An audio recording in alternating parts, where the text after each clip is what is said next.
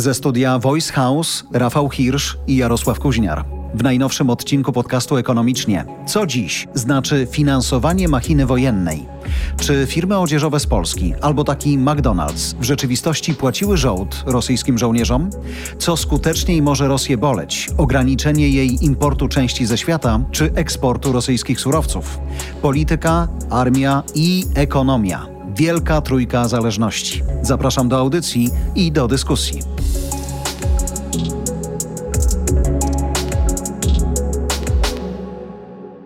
Kiedy trwa wojna, to dużo jest dyskusji o tym, kto się do niej tak naprawdę dokłada. I Rosjanie podeszli do tego, myślę, strategicznie lata całe temu, budując różne rurociągi do Europy, w jednych gaz, w drugich ropa i teraz mówią, ha, ha, ha mamy was. Europa odpowiada wprawdzie, że no nie do końca jesteśmy w stanie się ogarnąć i zablokować, co pokazał niedawny szczyt Unii Europejskiej, o czym mówiliśmy w takim króciutkim wydaniu naszej audycji. Gdybyśmy pogadali dzisiaj, szanowny panie Rafale, o finansowaniu, jak to ładnie powiedziałeś, machiny wojennej. A to nie ja, to wszyscy tak mówią. Co to znaczy dzisiaj? Gdzie to finansowanie się zaczyna? Sprawa jest bardzo poważna, więc nie należy się z tego śmiać. Natomiast w pewnym momencie ta fraza pojawiała się już w tak wielu różnych kontekstach i znaczeniach, że budziła mały uśmiech na mojej twarzy, bo w pewnym momencie już się dowiadywałem, że na przykład jak korzystasz z usług sieci handlowej tu w Polsce, jak korzystasz z tych usług sieci handlowej, która nie wycofała się z Rosji, to finansujesz machinę wojenną. Mhm. I to brzmi bardzo zgrabnie i to jest takie nośne politycznie.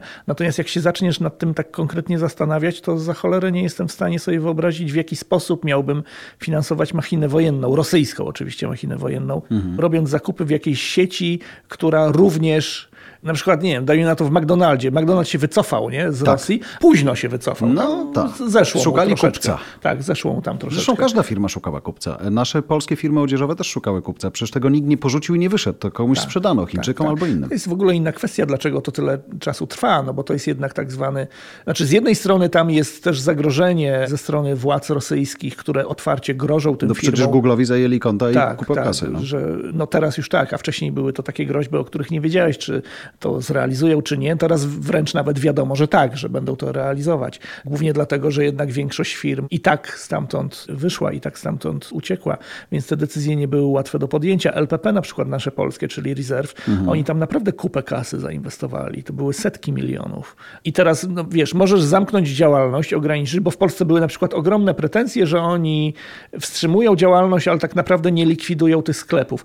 Po pierwsze, ta decyzja nie jest prosta do podjęcia i fajnie, jak już decydujesz się na likwidację, właśnie, żeby znaleźć kupca, a weź teraz znajdź kupca, który kupi ci sieć sklepów w Rosji, mhm. narażając się na te same zarzuty, tak, że finansujesz machinę wojenną. No i oni akurat znaleźli kogoś z Chin, tak, mhm. więc wyobrażam sobie, że to nie było łatwe. Jest tam kupa ludzi zatrudniona, którzy są de facto jakby niewinni, tak, musisz ich zwolnić z tej pracy, więc to jest taki proces, który nie jest łatwy. Natomiast samo założenie, że taka firma jak dajmy, na, no niech będzie już to LPP czy tam inny McDonald's, że on działając w Rosji finansuje machinę wojenną i jest moim zdaniem takie, znaczy nie da się tego wykluczyć, że tak to działa, ale to musi być spełnionych kilka dodatkowych warunków, bo chodzi tutaj o to, że one płacą podatki. Mhm. Jak prowadzą działalność, to płacą podatki do rosyjskiego budżetu, no i wtedy z tego rosyjskiego budżetu mogą iść wydatki z kolei, między innymi na działalność wojenną i w tym sensie te firmy finansują działalność wojenną. W dużym skrócie tak, no ale musiałbyś to oznaczać te pieniądze. horrendalne nie? uproszczenie, prawda? Jest, no ale z drugiej strony tutaj jest w ogóle dużo takich... Znaczy po pierwsze przede wszystkim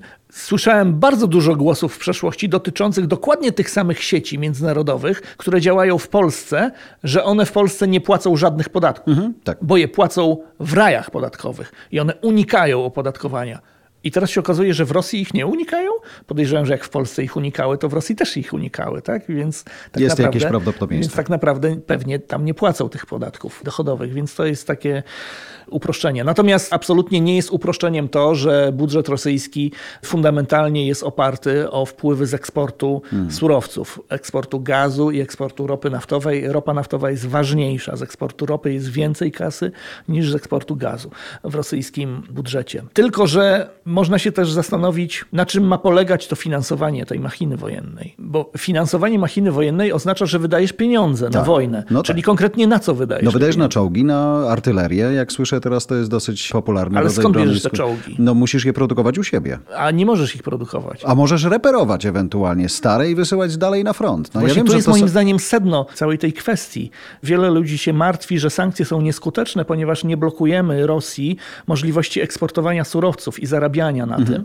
Natomiast czytałem opinię wielu ekspertów, którzy mówią, że w przypadku faktycznie tej machiny wojennej rosyjskiej ważniejsze jest zablokowanie importu do Rosji a nie eksportu surowców, ponieważ cały przemysł wojenny jest w ramach łańcuchów logistycznych, które są globalne i jak ich odetniesz od importu części, to oni leżą i kwiczą i nie są w stanie zreperować czołgu. Ostatnie, czołgu nie, Nie zreperują czołgu bez jakiegoś chipa z Tajwanu, a Tajwan już im nie sprzedaje żadnych chipów. Teraz tak? to nawet nie dotyczyło czołgów, ale były takie przykłady pokazujące rozwaloną broń rosyjską, czy użytą przez Rosjan na terytorium Ukrainy, gdzie dziennikarze pokazywali zdjęcia właśnie chipów. A to z Francji coś było, a to z Tajwanu coś No było, a właśnie. to Intela coś było. Czyli tak naprawdę Amerykanie mówią, dozbroimy Ukrainę w ten sposób, ale Intel na przykład wyśle im tam parę chipów. Wysyłał tak naprawdę. No ale bo- już nie może wysyłać. No właśnie. I te sankcje weszły bardzo szybko. To było w pierwszym pakiecie sankcji, one jeszcze w lutym weszły. Mhm. Pierwsi Amerykanie to zrobili i Unia potem też. Tak? I Rosja jest odcięta od zakupu technologii, nie tylko militarnych, tylko w ogóle wszelkich. W ogóle pięknym przykładem tego, w jakiej sytuacji jest rosyjska gospodarka, jest ta historia z Renault, które się wycofało, też z pewnym opóźnieniem, ale Renault się wycofało z Rosji ostatnio i oni w tej Rosji mieli fabrykę pod Moskwą Tak. Moskwicza chyba robili. w której robili, Nie, nie, no, oni robili tam renówki, Tak, tak, tak. Nissana Terrano tam robili. Natomiast właśnie jak się wycofali, to sprzedali tą fabrykę, miasto ją kupiło. Tak, czyli samorząd Moskwy Mhm. przejął tą fabrykę i ten samorząd ogłosił hucznie, z wielką radością, że będą tam produkować moskwicze na technologii z lat 80. No, Te same, nie jakieś nowe moskwicze, te same No moskwicze. i bardzo dobrze. Ale to pokazuje, w jakiej oni są sytuacji. Oni nie są w stanie, mają opustoszałą, nowoczesną fabrykę z liniami produkcyjnymi, które Renault tam zostawiło, więc de facto mogliby dalej robić renówki. Ukraść je, nie? Ale kurczę, no samoloty ukradli No tak. firmom, nie? Lotniczym.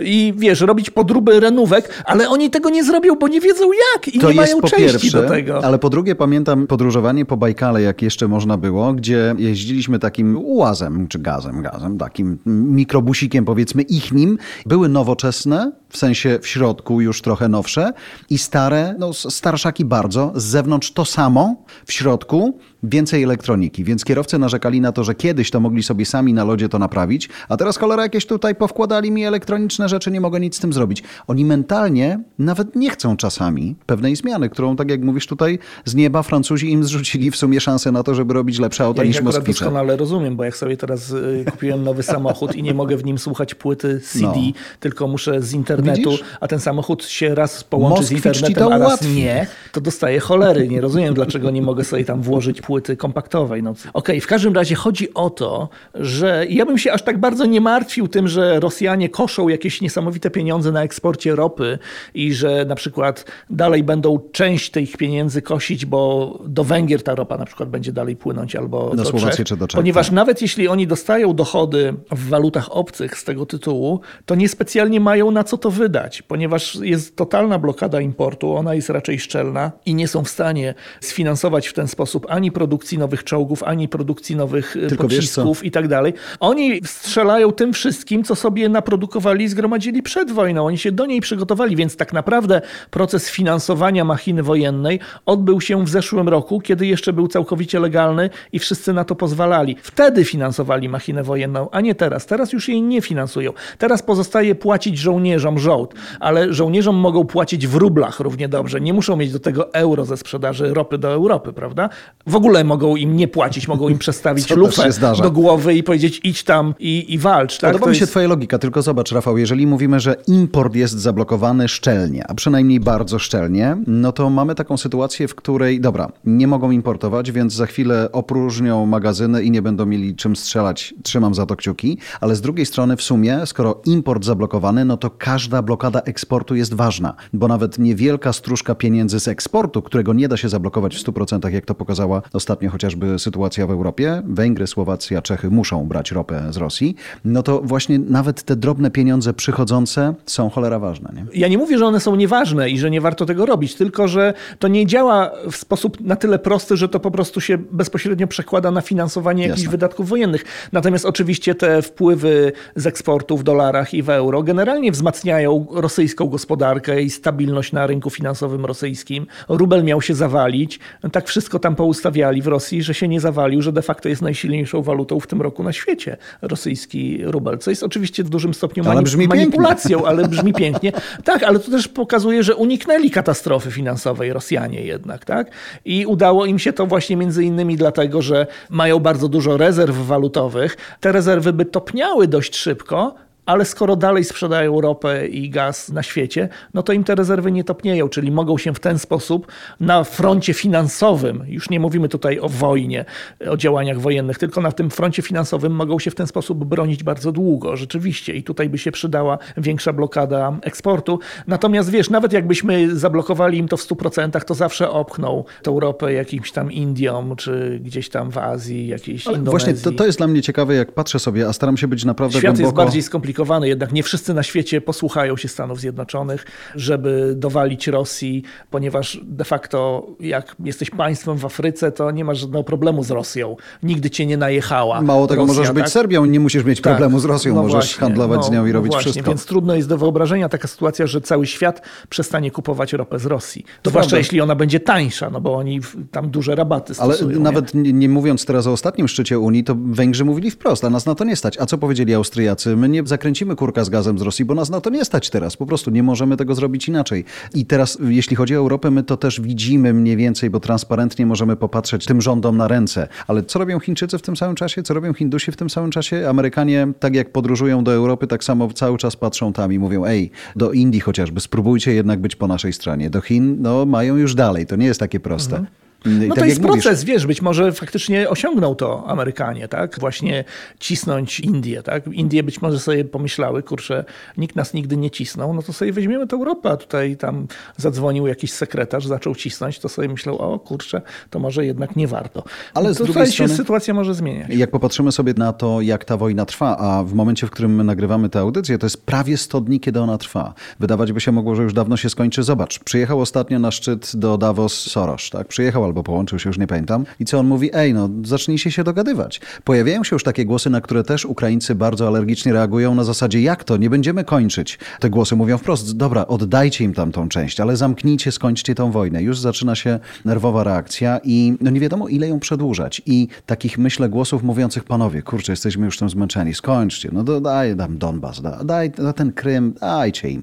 Będzie, myślę, coraz więcej. Nie, no bo wiesz, no bo to, na co namawiają cały świat Ukraińcy, to jest tak właściwie, patrząc na to bardziej w przyszłość, to jest taka droga, która prowadzi do zniszczenia Rosji tak naprawdę. No bo myślisz, że oni się, okej, wygrają militarnie na tych wszystkich frontach na Ukrainie, wypchną Rosjan poza swoje granice i koniec? Nie, natomiast... Dalej będą się czuć zagrożeni, Rosjanie Całe dalej życie. będą. To jest taki scenariusz właściwie nigdy nie kończącej się walki, chyba że zniszczysz Rosję. A wyobrażasz sobie zniszczenie państwa rosyjskiego? Trudno to sobie wyobrazić, bo to jest niesamowicie duży organizm. Nawet geograficznie to jest niesamowicie Jest to duże. potężne, natomiast I podejrzewam, że sporo państw w Europie nie wyobraża sobie po prostu takiego scenariusza i zaczyna sobie zadawać pytanie, wiesz- i w jaki sposób to się ma skończyć. Ale pamiętaj, że mówimy dzisiaj, jak mówimy Rosja, myślimy Putin. Jego nie będzie wiecznie. Są różne informacje mówiące o Tak. stanie jego zdrowia i tak dalej, więc to też może być przełom. Więc jakbyś dowalił im Tylko tutaj gospodarczo... musisz zakładać, że ten następca Putina będzie jakiś jakościowo lepszy. No, zdo- Pytanie, czy Rosja jest taka, jaka jest, dlatego że ma szalonego lidera, No tak. a wszyscy inni w Rosji myślą inaczej,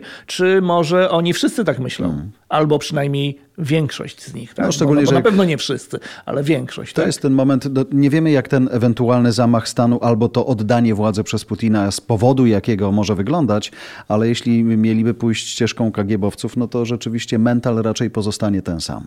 Zapysk cały świat No tak, i na tak. kolana. A wiesz, a Europa i Stany Zjednoczone i NATO wybrały taką drogę pośrednią, która mam wrażenie jest męcząca, jest, bo właściwie ani nie toczysz tej wojny, no bo cały czas twierdzisz, że to nie ty toczysz tą wojnę, No tak, ale, ale wspomagasz tą Ukrainę, tak. wysyłasz tam, dozbrajasz, dozbrajasz, dozbrajasz. Więc tak jakbyś toczył tą wojnę, tylko że cudzymi rękami. Nie?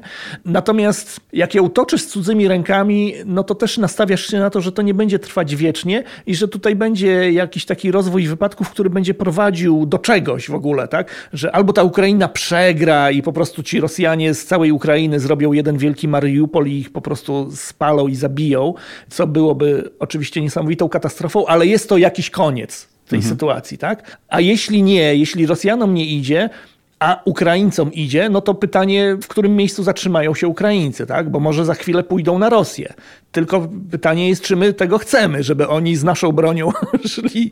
Znaczy, z jednej strony pewnie wielu osób powie, tak, tak, niech ich tam, niech spalą ten Kreml, tak? Ale z drugiej strony pewnie też jednak Rosja ma broń nuklearną i pewnie są y, rozrysowywane jakieś tam różne scenariusze w wielu stolicach i większość polityków pewnie dochodzi do wniosku, że aż tak to jednak nie chcemy. To prawda. Że chcemy, żeby Rosja dała spokój Ukrainie, chcemy, żeby Ukraina była wolna i żyła sobie w spokoju, się rozwijała tak jak chce, należała do takich organizacji, do jakich chce należeć, żeby Rosjanie dali jej spokój, ale to niekoniecznie musi oznaczać, że finansujemy i przykładamy rękę do e, przeniesienia się frontu na terytorium rosyjskie i do palenia Rosji za chwilę. Zwłaszcza, że wiele osób pewnie może nie wierzyć w to, że to w ogóle jest możliwe, więc myślę, że stąd biorą się te głosy właśnie, takie jak Sorosza, tak, żeby to jakoś kończyć, no, żeby to do czegoś miało prowadzić. Tak, no, chociaż nikt, powiem nikt ci- nie chce takiej sytuacji, żeby ona trwała przez kolejne 10 Nie chcę, lat. tylko ja właśnie, może to jest mój problem, a raczej korzyść myślę z tego, że ponieważ codziennie opowiadam naszym słuchaczom w takiej pigule Ukraine in Brief o tym, jak to wygląda, czytam raport OSW, widzę co robi AFP, widzę co robi Reuters, widzę te wszystkie zdjęcia, to ja wiem, że przez 100 dni można zapomnieć i się tym znudzić, ale tak naprawdę na wschodzie tam trwa regularna wojna, gdzie krew się leje dosłownie strumieniami. Zobacz to, co się zdarzyło z tym Azowstalem, gdzie oni w nadziei poddali się, dostali obietnicę od swojego rządu, słuchajcie, Czerwony Krzyż Międzynarodowy ONZ, oni to ogarną, będziecie cali i zdrowi. A dzisiaj się okazuje, że Rosjanie mówią, my ich mamy, mamy was w szachu i zdecydujemy, co zrobić. To nie jest takie łatwe. To jest aktywo wojenne. Więc tak, znów, w i teraz jak tego się nie widzi, to łatwo być Soroszem i mówić, e, no, dobra, dałość, nie? Czy No nawet tak, tak, Kissingerem, oczywiście, tak oczywiście naprawdę to, jest, to jest inny punkt widzenia. Tak, ten Kissinger też to, bo jak słyszałem tą wypowiedź, to aż no, tak troszeczkę wstrząsnęło, ale potem sobie pomyślałem, że kurczę, no rzeczywiście z punktu widzenia kogoś, kto patrzy po prostu na kulę ziemską globalnie, z punktu widzenia jakiegoś tam mocarstwa. I historycznie I to on sobie myśli, tak. nie wchodzi w grę scenariusz, w którym Rosja znika. Tak czy inaczej ta Rosja będzie i będzie istnieć. A skoro ona będzie istnieć, no to jedyny scenariusz zakończenia tej sytuacji jest taki, że trzeba się z nią dogadać, bo skoro będzie istnieć, to nie możesz z nią walczyć w kółko. Musisz się z nią na jakimś etapie, gdzieś tam musisz się z nią dogadać, tak? A skoro masz się z nią w końcu dogadać, no to właściwie dlaczego by nie zrobić tego dzisiaj, tak? Po co czekać? Rozumiem, że to jest takie rozumowanie, które kompletnie właśnie nie bierze pod uwagę tego, co tam się w tej chwili dzieje, tak? I nie bierze pod uwagę tego, że jeśli jeszcze przez jakiś czas będziemy tą wojnę toczyć, to być może za kilka miesięcy będziemy w stanie się dogadać z tą Rosją na lepszych warunkach, tak? Niż dzisiaj. Bo dzisiaj dogadywanie się z Rosją polegałoby pewnie jednak na kapitulacji Ukrainy. Albo na zgodzie na to, żeby oddać Tak, sporą zgodzi- część to- to zabrane jej już jest twoje. tak? Mhm. Więc to jest taka skomplikowana sytuacja. Natomiast pewnie większość polityków rozumuje w ten sposób właśnie, że że ta Rosja i tak będzie, więc i tak w końcu kiedyś trzeba będzie się z nią dogadać. Nie można przez całe życie walczyć z Rosją, nawet jeśli ona jest imperium zła. Ale tak? zobacz, powiedziałeś i ja się zgadzam, że tak też prosto powiedzieć, nie można z Rosją walczyć. To ona zaczęła. Nie, to nie Oczywiście, jest że tak, ona zaczęła. To nie chodzi o to, No, że no, ja ją no, no, no, no. usprawiedliwiam. Natomiast masz w końcu realną politykę w którymś miejscu, tak? I musisz, odpowiadając też za losy swojego własnego narodu, za swoją własną gospodarkę, za to, ile to wszystko kosztuje, musisz podejmować decyzje o tym, co robić dalej. Na razie Ukraina walczy, świetnie, wszyscy trzymają kciuki, finansują ją, dosyłają broń. Natomiast to nie będzie trwać wiecznie. Im dłużej to będzie trwać, tym więcej będzie takich głosów, podejrzewam. Będzie, choć szukałem tego cytatu i mam go przed sobą, kiedy Kissinger powiedział to, co powiedział na forum w Davos, czyli w dłuższej perspektywie brak negocjacji z Rosją i dalsze antagonizowanie Moskwy może mieć katastrofalne skutki dla stabilności Europy. Szef dyplomacji Litwy mówi, ej, Takie podejście nas niepokoi, bo to jest bardzo mocny sygnał dla wszystkich potencjalnych agresorów, że jeżeli popełnisz przestępstwo i nie zostaniesz zmieciony w ciągu trzech miesięcy, to wszystko jest okej.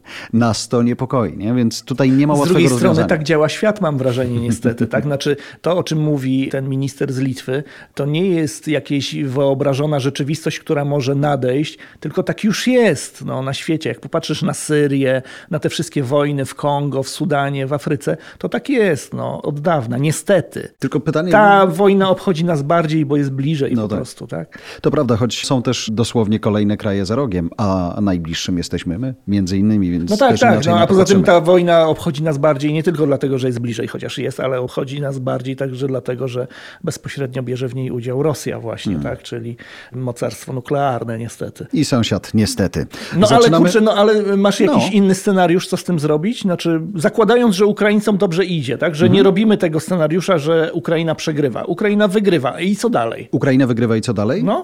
musi być jakaś gwarancja bezpieczeństwa dla niej tego świata, który dzisiaj z nią walczy, dając jej broń. No, siłą rzeczy. Ja nie mówię, żeby ją zaraz przyjmować do NATO, do Unii Europejskiej, ale jeżeli Ale to, to miał... naprawdę uważasz, że to będzie gwarancja przed kolejną agresją rosyjską? No, nie ma dziś innych instrumentów, myślę, nie? Musi być właśnie, jakaś nie ma. gwarancja świata. To jest trochę ta sytuacja, w której zobacz, Szwedzi i Finowie chcą wejść do NATO i nagle inne kraje, Norwegowie między innymi mówią, słuchajcie, jest okres przejściowy, więc my w tym czasie was przypilnujemy jakby co. Jest jakaś gwarancja, która jest obietnicą, nie tylko. Może nie będzie innego wyjścia. No. Ciężkie czasy. Ale podoba mi się to, no. że wyszliśmy z ekonomicznie, jesteśmy w odcinku, pierwszym odcinku podcastu politycznym. Czas na niego. Dzięki, Rafał. Dzięki. Dziękujemy za Twoją uwagę. Ale zanim się rozłączysz albo posłuchasz kolejnego odcinka, mam prośbę. Spotify pozwala teraz na ocenę podcastów. Jedna, dwie, trzy, cztery albo pięć gwiazdek. Bądźcie z nami szczerzy. Dziękuję. Jeżeli jeszcze nie subskrybujesz naszej audycji, zrób to na Apple Podcast czy Spotify. Nie przegapisz najnowszego odcinka i pomożesz nam się wspinać na listach podcastowych przebojów. Zasubskrybuj także inne podcasty od Voice House. Znajdziesz je na każdej platformie podcastowej, w każdym kanale social mediowym. Zapraszam też na stronę Voice House po więcej dobrej treści.